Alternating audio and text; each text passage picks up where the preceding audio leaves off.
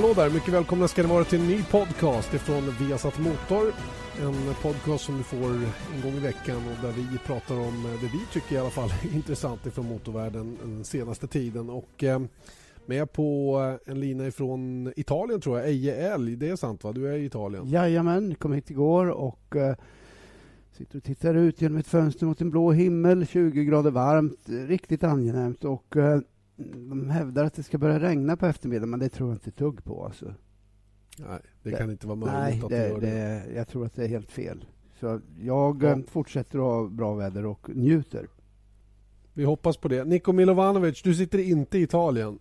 Nej, det gör jag inte. Jag sitter hemma i Stockholm, men det är fantastiskt fint väder här och det är behaglig temperatur, så jag klagar inte. Det är inte alls behaglig temperatur. Du ljuger, för jag sitter inte så långt därifrån. Det är kallt ute. Vad är det jag brukar säga, det... Janne? Livet är rättvist. Ja, jag vet, jag vet det. Det är bara att bita ihop och, och tugga i sig. Hur den är så ska vi prata lite grann eh, om eh, våra respektive sporter. Vi ska också så småningom också få med Micke Törnberg, eh, vår speedway-expert med anledning av att det kördes eh, säsongens andra GP i Bydgoszcz i helgen som var. Eh, vi börjar med superhelgen grabbar. Det var ju verkligen en superhelg. Det var Formel 1, det var MotoGP, det var Nascar, det var speedway Grand Prix. Hur upplevde ni det? Han är med och se alltihopa i först?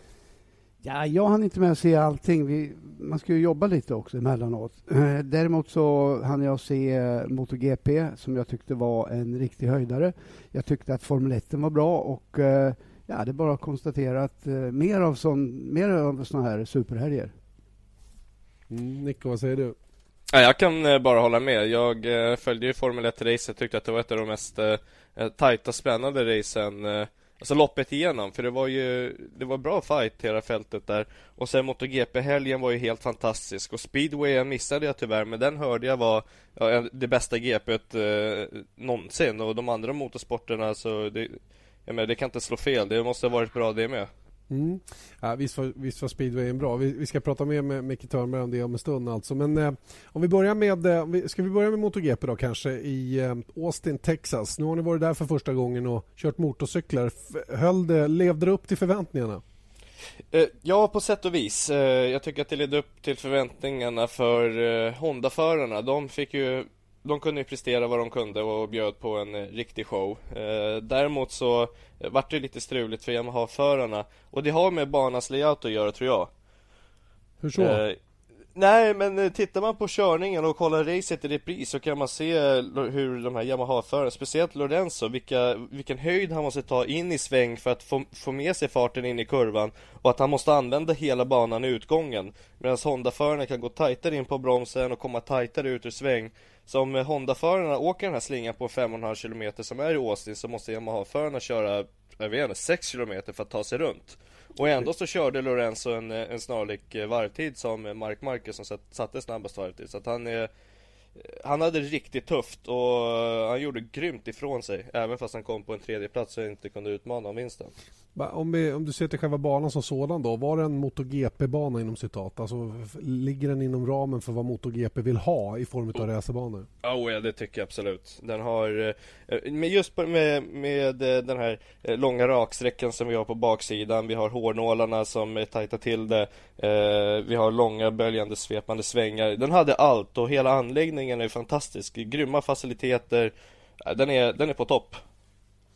Så, ja, vad säger du? Ej? Ja, jag säger att eh, jag tycker det är bra att... Eh, det, för, för så här är det, oavsett om det är två hjul eller fyra hjul. Det är alltid ban, olika banor passar olika bilar. Och utslaget över ett helt år så är det ju den som har ett bäst, eh, bäst eh, snitt, så att säga, eh, som, eh, som klarar sig minst dåligt på de dåliga banorna som drar längsta strået. Och det, det är ju inget nytt, utan Eh, Eh, ja, det är tur att det finns lite olika banor. Och just när det gäller... Jag, jag, jag, kan inte göra bedömningen huruvida banan passar bra för MotoGP men att det är en otroligt eh, komplett anläggning det kan man ju konstatera efter att nu ha sett både Formel 1 och MotoGP där. Mm. Eh, Mark Marquez tog ju då en första historisk seger. Han blir den yngste vinnaren i MotoGP-sammanhang då genom sin seger senast. Och han var ju favorit innan. Han var snabbast på testerna som hade genomförts där. Han var snabbast på träningen. Han såg till att ramla men reste sig upp i alla fall och kom vidare. Han, han liksom gjorde allt den här helgen och pojken är någonting utöver det vanliga, eller hur? Ja, det tycker jag. Han, eh, han satte två rekord där, yngst med pole position och eh, yngst att vinna race. Så att, eh, ja, visst är han det. Han är någonting utöver det vanliga. Jag tycker han hanterar den där cykeln på ett mästerligt sätt redan efter eh, bara de här vintertesterna och två och sen två racehelger. Eh, och sen är det ju så, test är ju test, är ju en sak. Sen när det väl kommer till race, då ska man ju prestera hela loppet igenom och, och ligga och köra de där varvtiderna. Och vad Marcus gjorde senast tyckte jag var helt grymt med att han låg bakom Danny Pedrosa och kollade lite grann vart han hade honom, tog sig förbi in i kurva 7 eh, och därefter så var det ju mer eller mindre loppet klart för Marcus del. Mm.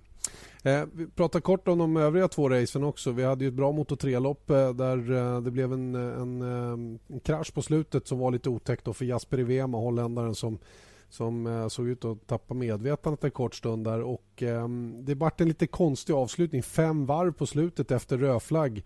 Eh, fem varv där racet i princip börjar om på nytt. Hur, hur ställer man om för sånt?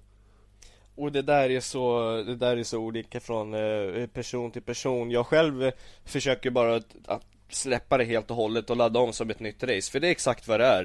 Eh, men det är just det att man måste ju vara väl medveten om att det här racet, det, det finns ingen du kan inte lägga upp någon taktik under de här fem varven som du gör med ett race där det är 20 varv då. Så att du får ju Det är ju mer fem varv do or die och det är mm. de flesta medvetna om och det fick vi se också mycket i, om man kollar lite längre bak i startfältet så var det många som eh, försökte ta sig upp genom lite järva manövrar och, och så. Det var ja, spännande, det var kul. Man, man, får ju en gratis chans på något sätt och om man ligger en bra bit efter den som leder och säger att man är fyra och sen så är det en ny start och du får på nya däck och hela den Är det ett rättvist sätt att göra det på egentligen? Ja, alltså jag tycker att man ska köra, man startar ett race och sen är det försten i mål. Och det här med att eh, man ska hålla på, eller klippa med tider där och hur det låg till innan och rödflagga och allt sånt där, det tycker jag bara är rent trams. Utan rödflaggar man ett race så ska man ju starta om och köra det till slut.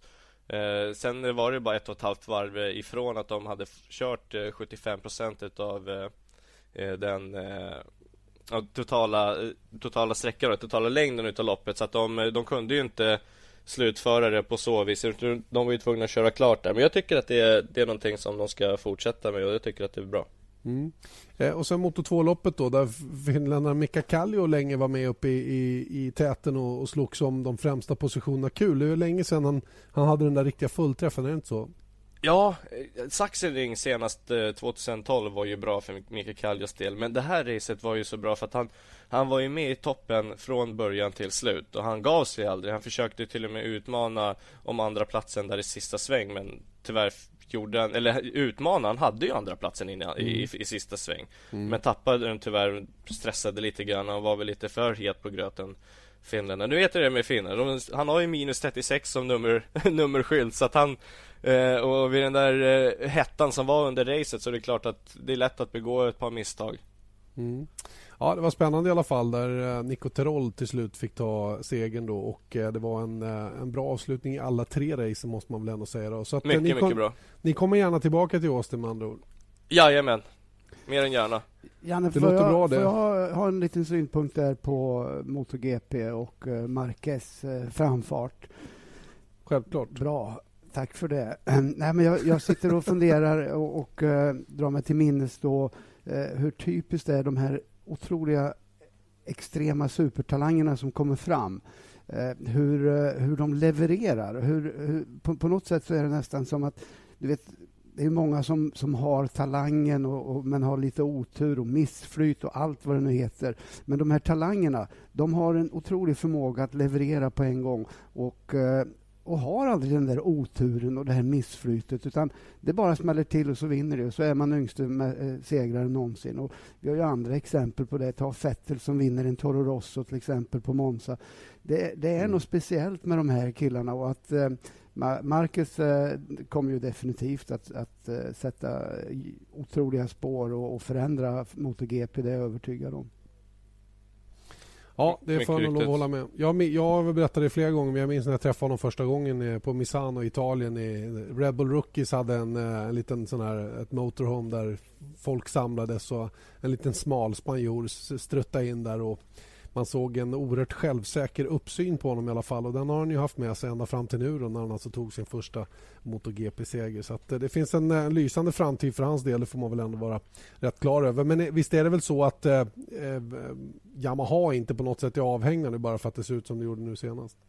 Nej men det kommer de inte vara, absolut inte utan Nu kommer vi tillbaka till Europa och Jerez är närmast Lorenzo kan den där banan utan innan och det kan ju för övrigt eh, Pedrosa och eh, Mark Marquez och Valentino Rossi också då Men där kommer Yamaha vara med mycket, mycket bättre än vad de var senast nu på Austin Alright, Nico, tack snälla. Det är snart tack, tack. dags igen alltså för uh, MotoGP. Vi uh, fortsätter den här podcasten och vi ska alldeles strax ha med Micke Törnberg som sagt och som också uh, kommenterade i helgen då med Speedway Grand Prix. Men medan vi väntar på honom så kan vi prata lite Eh, vi kan väl prata lite Formel 1 då och eh, lite utropstecken efter Bahrains Grand Prix. Det blev en exakt likadan prispall som vi hade förra året med Vettel i topp, med Kimi Räikkönen på andra plats och med Romain Grosjean på en tredje plats. Och faktum är att av de tre så känns det ändå som att det var Grosjean som, som var det riktiga utropstecknet. Han tog det största klivet. Ja, visst gjorde han det. Han kom dit med ett nytt chassi efter alla problem de har haft under året.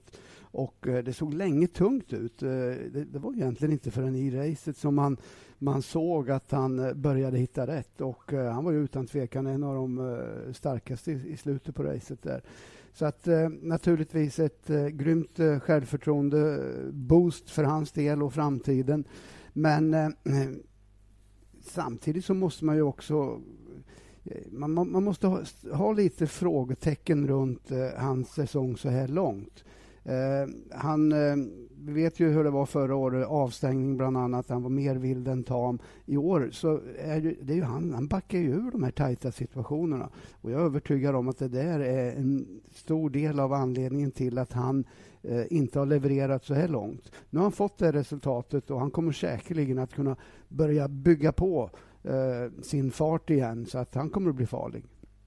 Mm. Eh, återstår att se eh, ehm, just eh, Grosjeans framfart. Jag tror ändå att det är en bra spark i rumpan det, det här resultatet som han nu fick och känner att han är tillbaka lite grann där han är. Men det, det är intressant också mellan Lotusbilarna att se hur de kräver olika strategier för att få ut max av materialet. Ja, det är ju... Kimi har ju en eh, otroligt mjuk och fin körstil, eh, lite annorlunda än Grosjean. Nu försöker naturligtvis teamet få Grosjean att eh, krypa lite närmre den stil som, som Kimi har. Men än så länge så krävs det nog att man jobbar lite separat med dem och tillgodoser Eh, inte bara Kimmis eh, behov för att få bilen att gå så fort som möjligt eh, utan även anpassad efter Grosjean. Och det tror jag var en av hemligheterna till att, eh, att det, ska vi kalla det, släppte på, på riktigt och det blev en pallplats för Grosjean. Mm. Eh, annars på tapeten med mycket kamper mellan eh, teamkamrater. Vi minns ju fortfarande det som hände mellan Red Bull-killarna i Malaysia. Nu senast var det Perez och eh, Jenson Button som hade några ruskiga fighter på banan och det här blev eh, lite för mycket för Jenson Button framförallt och som var ganska högljudd över radion och som man har förklarat efteråt att adrenalinet går, det pumpar och det är klart man blir högljudd över radion och tycker att den andra får ta lugna ner sig lite grann. Hur ser du på den här situationen? Var, var Perez eh, überaggressiv eller inte?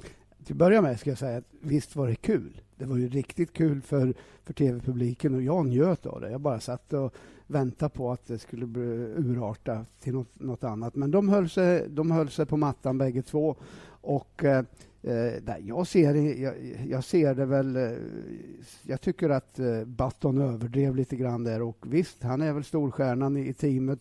Och eh, Perez är fortfarande lillpojken som ska ställa sig i led när han blev tillbedd att göra det. Men eh, samtidigt får man konstatera att han hade fått så pass mycket mycket skäll innan att han var för mjuk och för, för tunn så att eh, det här var hans sätt att, att visa sig på styva linan. Och jag tycker han gjorde helt rätt. Jag tycker att eh, om Button hade varit lite smartare och tänkt efter så hade han släppt eh, Perez, eh, eller i alla fall inte satt sig precis eh, på, på tvären mot, mot Perez när han kom första gången.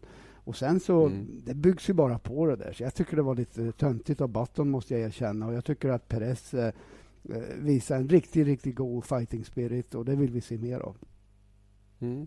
Ja, spännande tycker jag i alla fall den här fighten och vi hoppas få se mer av den varan. Kul att Perez också fick eh, visa lite grann vad han går för nu då i en lite svajig bil som han har haft där inledningsvis. Ja, och, gärna, och det här betyder ju väldigt mycket för, han, för hans del. Eh, han kommer ju känna sig betydligt säkrare. Nu vet han att han gick i land med det här eh, tuffa, tuffa racet som det ändå blev. Och det kommer, det kommer att vara avgörande för hans eh, hans säsong, eh, resten av säsongen helt klart. Mm. Du, Paul de Resta kräver bättre bil också om eh, Force India ska nå sina mål. Och eh, De säger ju själva att de vill, eh, vill nå en pallplats. De var ohyggligt nära nu senast, men räckte kanske inte hela sista lilla biten. Har ju också de, då, precis som Lotus, en bil som är väldigt snäll mot däcken. Ja, men vadå kräver bättre bil? Vem är det som inte kräver bättre bil? Då? How would you like to look five years younger? In a clinical study, people that had volume added with Juvederm Voluma XC in the cheeks perceived themselves as looking five years younger at six months after treatment. Look younger, feel like you. Add volume for lift and contour in the cheeks with Juvederm Voluma XC. Reverse signs of aging by adding volume to smooth laugh lines with Juvederm Volure XC. For important safety information and to find a licensed specialist, visit juvederm.com. That's J U V E D E R M.com. Not for people with severe allergic reactions, allergies to lidocaine, or the proteins used in Juvederm. Common side effects include injection site redness, swelling, pain, tenderness, firmness, lumps, bumps, bruising, discoloration, or itching. There's a risk of unintentional injection into a blood vessel, which can cause vision abnormalities, blindness, stroke, temporary scabs, or scarring. Talk to a licensed specialist to find out if it's right for you. Eh, Kimi Räikkönen, eh, Bianchi, Chilton, hela rubbet. Det är ju så. Alltså, och, eh, det, det, är ju faktiskt på det sättet att vad han egentligen säger är väl att eh, in med mer resurser, vi måste utveckla mer. Och, eh, mm. eh, sen är det ju faktiskt så att för, det är förarnas eh, stora uppgift är ju egentligen att, att vara med och utveckla bilen i rätt riktning. När det gäller Force India så har man ju jag skulle vilja säga att man har haft lite flyt där. Man har en bil som är baserad på fjolåret, eh, förfinat vissa saker, fick det att stämma oerhört bra med däcken eh, som gör att bilen är, som du säger, väldigt snäll och eh, de skulle jag vilja hålla som den stora, största överraskningen i mina ögon i år, så här långt. Mm. Sen om det håller hela året, ja det återstår att se. Och nu börjar ju så, det, nu börjar liksom uppdateringsracet här när man kommer till Europa och eh, teamen får närmare till fabrikerna och McLaren kommer med ett jättepaket nu då som ska göra stor skillnad för deras del och alla team kommer att komma med mer eller mindre stora uppdateringar och det är nu det, det syns vilka som har pengarna eller inte, är det inte så? Visst är det det. Eh, sen, eh, sen så som du vet så har jag ju ibland varit lite småkritisk till det här med att bara ösa på uppdateringar på bilar eh, istället för att jobba med det befintliga och försöka reda ut eh, att man försäkrar sig om att man verkligen är på rätt väg. Eh, men eh, ett team som McLaren som eh, började ganska aggressivt i år med en, en, en helt, ett helt nytt koncept, ja, de har ju en bra bit kvar att, att gå. Och faktum är att Eh, Eh, jag är lite grann besviken. Vi såg ju vissa förbättringar i Bahrain, men man har ju jobbat eh, redan innan Bahrain jobbat hårt på att få ordning på bilen. Och jag skulle nog vilja se lite, lite bättre för att tro att det ska bli något revolutionerande nu i Spanien. Men eh, det återstår att se, som sagt var. Ja, det gör ju det. Och eh, jag tycker det, det, är lite spännande faktiskt att se vilka som, som liksom drar på lite grann extra nu. Vad man kan hitta. Vi kommer till lite mer konventionella banor igen nu också. De här som de har bra koll på, inte minst i Barcelona där, där det testas väldigt mycket. Då. Um, apropå tester förresten, såg du att um, Qatar eventuellt är uh, aktuell som, som plats då för försäsongstester nästa säsong? Och det här blir mer och mer viktigt att få försäsongstester som håller hög kvalitet. Um, har vädret uh, gjort så stor skillnad tror du i år? Att är det därför de två senaste säsongerna har börjat så ovisst? Jag vill nog inte... Visst, kanske det skulle hjälpa till lite grann, men å andra sidan så eh, vet jag inte om Qatar är en sån bana som representerar ett medium som gör att man kan basera eh, hela utvecklingen eh, under säsong på på den data man får därifrån. Men utan då ser jag nog snarare att en bana som Barcelona till exempel är mer givande i, i det avseendet. Att man, man får en eh, större databas som man kan ha nytta av eh, längre under året. Men eh, självklart så är det ju oerhört viktigt att man eh, eh får eh, värdefull testning och eh, man klagar ju väldigt mycket på Jerez i år. Så okej, okay, då är det väl dags att byta ut det. Jerez börjar ju bli lite väl gammalmodigt. Mm. Eh, vad jag syftar på kanske främst är ju väderbiten. Att, att eh, det spelar nästan ingen roll om man är i Barcelona och kör om däcken ändå tar slut efter ett varv för att det är så kallt och man liksom inte får eh, hela den bilden ordentligt. Ja, det må väl vara hänt. Alltså. Det, det, kan jag väl eh, ha en viss förståelse för och eh, det skulle väl kanske förenkla lite grann. Sen hur, det, eh, hur, hur en sån utveckling gynnar eh, och vem det gynnar, det är väl eh, svårt att förutse. Det, jag, jag, förstår att Pirelli vill ha det, för Pirelli får ju en mer, eh, mer eh, ska vi säga, tydlig ram som man måste hålla sig inom för att eh, inte hamna i katastrofer. Eh, om vi tittar till exempel på Shanghai där den mjuka gummiblandningen var för mjuk och så vidare. Så att eh, ja, det är lite komplicerat med det här reglementet och det faktum att man bara har fyra däcksblandningar att välja på och så mm. vitt skilda förhållanden, vitt skilda banor eh, och slitage och, och väderlek och så vidare. Mm. Ja, och, um, just, just den biten, eh, det blir ju ännu mer viktigt då när eh, när vi får ett så pass stort, stora förändringar i reglementet till nästa säsong? Ja, det är det ju. För att eh, då är ju det, det, är ju självklart så däcken är ju någonting som alltid kommer att ha stor betydelse i och med att det är det, de, det enda som, som ligger i backen så att säga. Men det är ju ofantligt massor med andra saker som måste funka och eh, eh, det kommer att krävas oerhörda resurser från alla och eh, det kommer säkerligen också att resultera i det du var inne på förut, att de som har störst resurser, ja, de kommer bättre förberedda än, än eh, de mindre teamen som kommer att ha jätteproblem.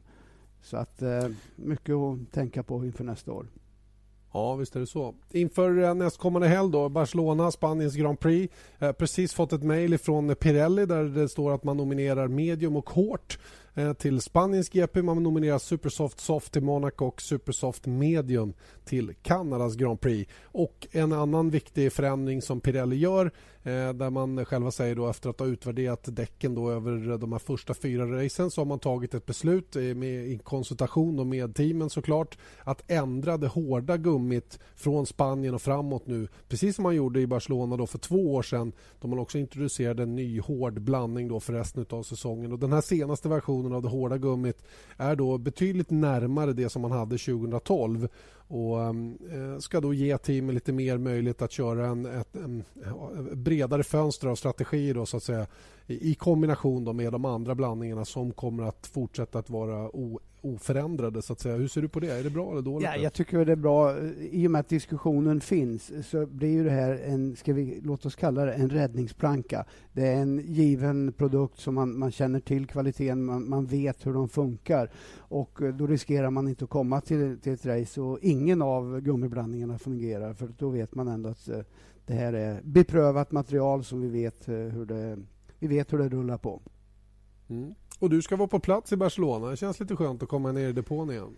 Ja, det är ju så att man eh, behöver ju vara där för att hålla sig uppdaterad och eh, det är alltid kul i Barcelona i och med att det är första racet på året. Det har ju en otrolig förmåga att dra till sig alla människor och det är ju, man kan ju knappt gå ut på trottoaren utan någon säger att ja, du, vi ska ner till Barcelona, vi är ett gäng si och så. Så det är väldigt, mm. väldigt många, många människor och det är ordentligt drag. Alonso är ju kung där nere så atmosfären är ju underbar. Och Eh, det är ju visserligen samma sak med Monaco. Det är ju också det stället dit alla ska och så vidare. Men där är det lite besvärligare. Alltså det, där får man ju knappt eh, plats på trottoaren, höll jag på att säga. Så det, Nej, det är lite, det är lite annan... Eh, det är, lite annan det är väl en tredjedel så mycket folk i Monaco som det är i Barcelona ja. men det är fyra gånger så trångt. Ja, just precis. Och dit ska väl du med? Ja, ja, ja, för sjutton. Jag hänger på. När det är glitter och glamour, då är jag med. Ja, jo, men så är det ju. Alltid Förstås. så. Ja. Hörrni, vi ska prata lite speedway också. Micke Törnberg, hur mycket hann du se av eh, speedway, eh, eller förlåt, av Formel 1-loppet i helgen? jag såg lite till och från. Jag sprang emellan och jag var väl lite trött efter speedway-tävlingen på lördagen. Ja, den tog musten nu då. Det var en lång lördag för min del framför allt som hade en hel del andra sändningar också. Ja, du hade maratonhelg, men ja, det var en bra speedway. Det var bra speedway verkligen. Men hur bra? Var det det bästa du har sett på länge? Ja, det var bland det bättre. Jag har svårt att komma ihåg någonting. Det har väl varit vissa tävlingar, men ja, det var underhållande. Det var fina hit, mycket omkörningar och ja, det, var, det innehöll allting. Vad var det som stack ut, tycker du? Ja, det var de här unga killarna, att de ja, verkligen tog för sig. Darcy Ward, Ty Woffin, den Matti Saga kanske inte är, är någon ung kille, men han är ju ny för år i GP. Att de eh, verkligen levererade. Ja, just det här med Darcy Ward och Ty Woffinen. De, de, de, eh, var lite okonventionella i sina spårval och de hittade på massa tricks. Och Ty Woffinen verkade ha väldigt, väldigt bra fart i sin cykel också. Ja, han började bra redan på Nya Zeeland i mars. Synd så han, eh, att han, han blir att räkna med i år. Jag tänkte efter första tävlingen, det kanske var en, ja, en bra tävling, men han åkte ju galant rätt igenom här i Bydgoszcz i helgen. Så nej, han är verkligen med där uppe i toppen nu. Det verkar som så, ja. Ehm, och eh, vann gjorde då Emil Saifutinov, ryssen. Då. Lite överraskande kanske var det han då som, som vann finalen. Och eh, efter en lite svag inledning på kvällen då, så kom han ju väldigt starkt och, och lyckades vinna det sista hitet. Ja, han kom mer och mer och han gjorde några bra hit i början. Men sen knöt han ihop säcken i finalen och han åkte fort och, och, bestämt. Han var verkligen, han hade bestämt sig. Han gjorde ett par riktigt bra hit även tidigare under kvällen. Men i finalen då var han ju, han var ju ja, från start till mål i stort sett. Mm, och lyckades slå storfavoriten Tomas Golob också. Hur såg du på det? Ja, Golob eh, han, han, var ju, han var ju min favorit innan och han hade ju vunnit fem hit under kvällen. Han hade ju nolla där mitt i som var lite konstigt. Han var inte alls med. Mm. Men sen radade han ju upp hitseger och såg ju oerhört snabb ut. Spelar ingen roll, han åkte överallt på banan. Men missade lite i finalhitet, starten och då är det svårt att hämta hem sen. Så det var nog en liten missräkning från hans sida. Han trodde nog det här med innerspåret hade funkat i semifinalen, väljer det igen i finalen. Men nej, det gick inte den här gången. Nästa GP går i Göteborg och det var väl ingen eh, svensk eh, propagandaspeedway direkt. 13, 14 och 15 plats. Va, va, vad händer egentligen? Ja, det såg ju från Nya Zeeland där, så då var det lite positivt. Men nej, det var ju ingen som stack ut och, och var ju avhängda. Och ja, jag har försökt att analysera och, och, titta vad det kan vara. Och det är väl match och träning. De har inte åkt så mycket. Och jag vet vissa av de här, både Antonio och Andreas, de behöver åka lite. Så jag hoppas här nu när vi kommer till Göteborg, då har de fått lite mer ligakörning i sig. Att de ska vara lite mera, ha lite mer fart i sig. Eh, mm.